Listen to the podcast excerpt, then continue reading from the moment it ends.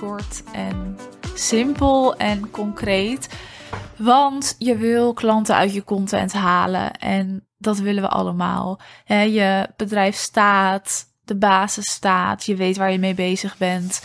Je weet dus ook echt wel hoe je content moet schrijven en wanneer daar wel of geen klanten uitkomen. Maar je weet ook dat dit altijd beter kan. En dat is even waar ik het over wil hebben met je, want content schrijven doen we allemaal. Zijn we altijd mee bezig. En toch is echt 80% van de content die ik op social media lees gewoon onzin. Vraag ik me echt af: voor wie heb je dit geschreven? Waarom heb je dit geschreven? En wat is je doel hiermee? Want op deze manier levert het je vrij weinig op. En dat klinkt een beetje lullig misschien als ik het nu zo zeg. Maar ik wil je gewoon even bewust maken van het feit dat jouw content beter kan. En als je hier bewust je aandacht aan gaat besteden, dat je er ook echt klanten uit gaat halen.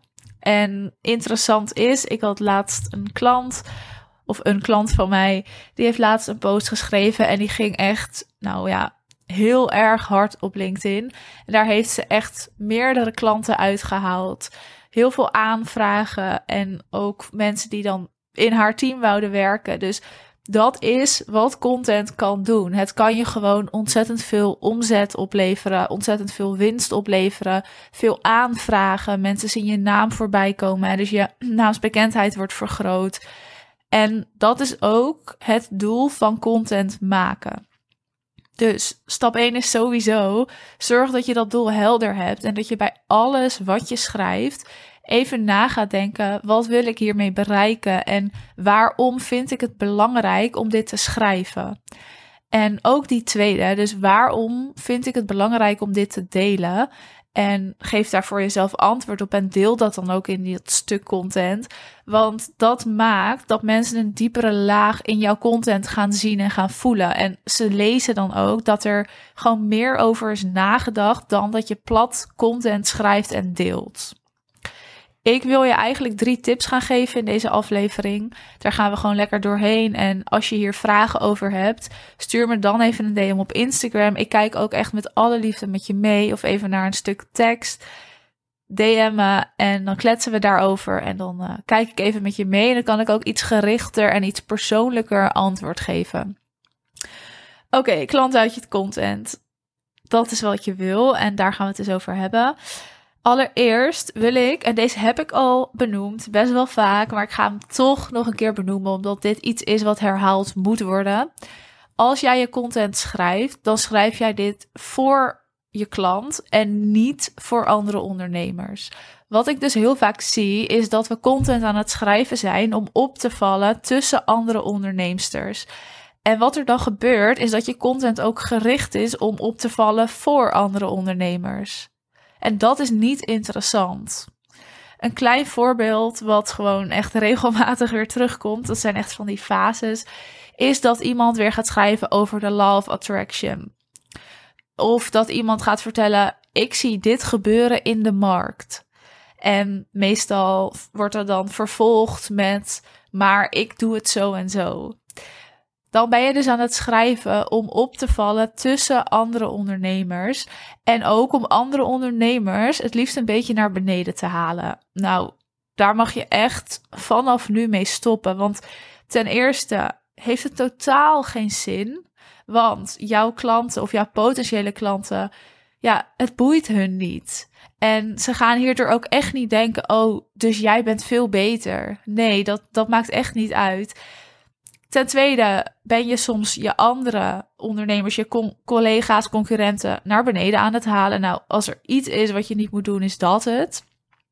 En ten derde, het enige wat je creëert met zo'n post is interactie met ondernemers die waarschijnlijk hetzelfde doen als jij, of in ieder geval niet potentiële klanten zijn, omdat die hierop reageren, want die gaan aan van wat gebeurt er in de markt, omdat het ook hun markt is.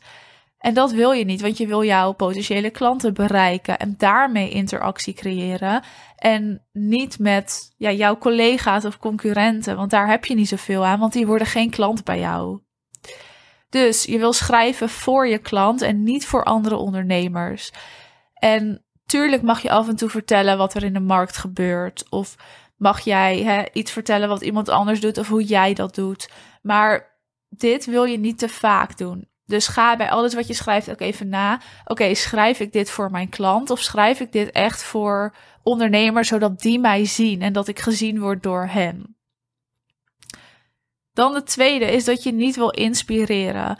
Want als je inspireert, dan ben je interessant. Dan volgen mensen je heel graag, omdat jij een soort bron bent van inspiratie. Maar ze willen dan niet klant bij jou worden. Want ja, inspireren, dat kunnen heel veel mensen. Heel veel mensen zijn inspiratiebronnen. Dat is prettig, want mensen kijken graag naar je, maar ze hebben nog niet de behoefte om de volgende stap te zetten. Wat je wil doen is dat je wil fascineren. En het verschil met fascineren is dat mensen ook echt willen weten hoe jij het doet, maar vooral hoe het voor hen ook zo kan werken of hoe zij dat ook zo kunnen doen. En dat is dus het verschil in het maken van content. ben jij jouw leven aan het delen en daardoor aan het inspireren? Of ben jij ook echt aan het laten zien wat jij aan het doen bent en wat dat voor jou betekent op een dieper niveau? En daar content over maken, dat gaat ervoor zorgen dat een ander dus wil weten: oké, hoe doe jij dat dan en hoe kan dat voor mij werken? En als je dat gevoel weet op te roepen, dan willen mensen bij jou kopen. En dan ben je dus ook echt klanten aan het aantrekken. En het kan zijn dat een account dus ontzettend veel volgers heeft, maar heel erg aan het inspireren is. Dan kun je wel heel veel volgers hebben, maar er gaat niemand bij jou kopen. Dan kan je dus nog beter een wat kleiner account hebben waarin je echt aan het fascineren bent en waarin je echt de diepte ingaat. Maar van die minder aantal volgers willen wel meer mensen kopen bij jou omdat ze gefascineerd zijn. En dat is het verschil en dat is wat je wil bereiken met jouw content. En dan als derde en als laatste punt voor nu, je moet de balans gaan vinden. En ik zeg je moet, je moet natuurlijk niks, maar de balans vinden tussen alles op je account. Dus tussen persoonlijke content en zakelijke content. Ik plaatste laatst een reel waarin ik net uit bed met een koffertje en mijn hond lekker buiten in het zonnetje zat.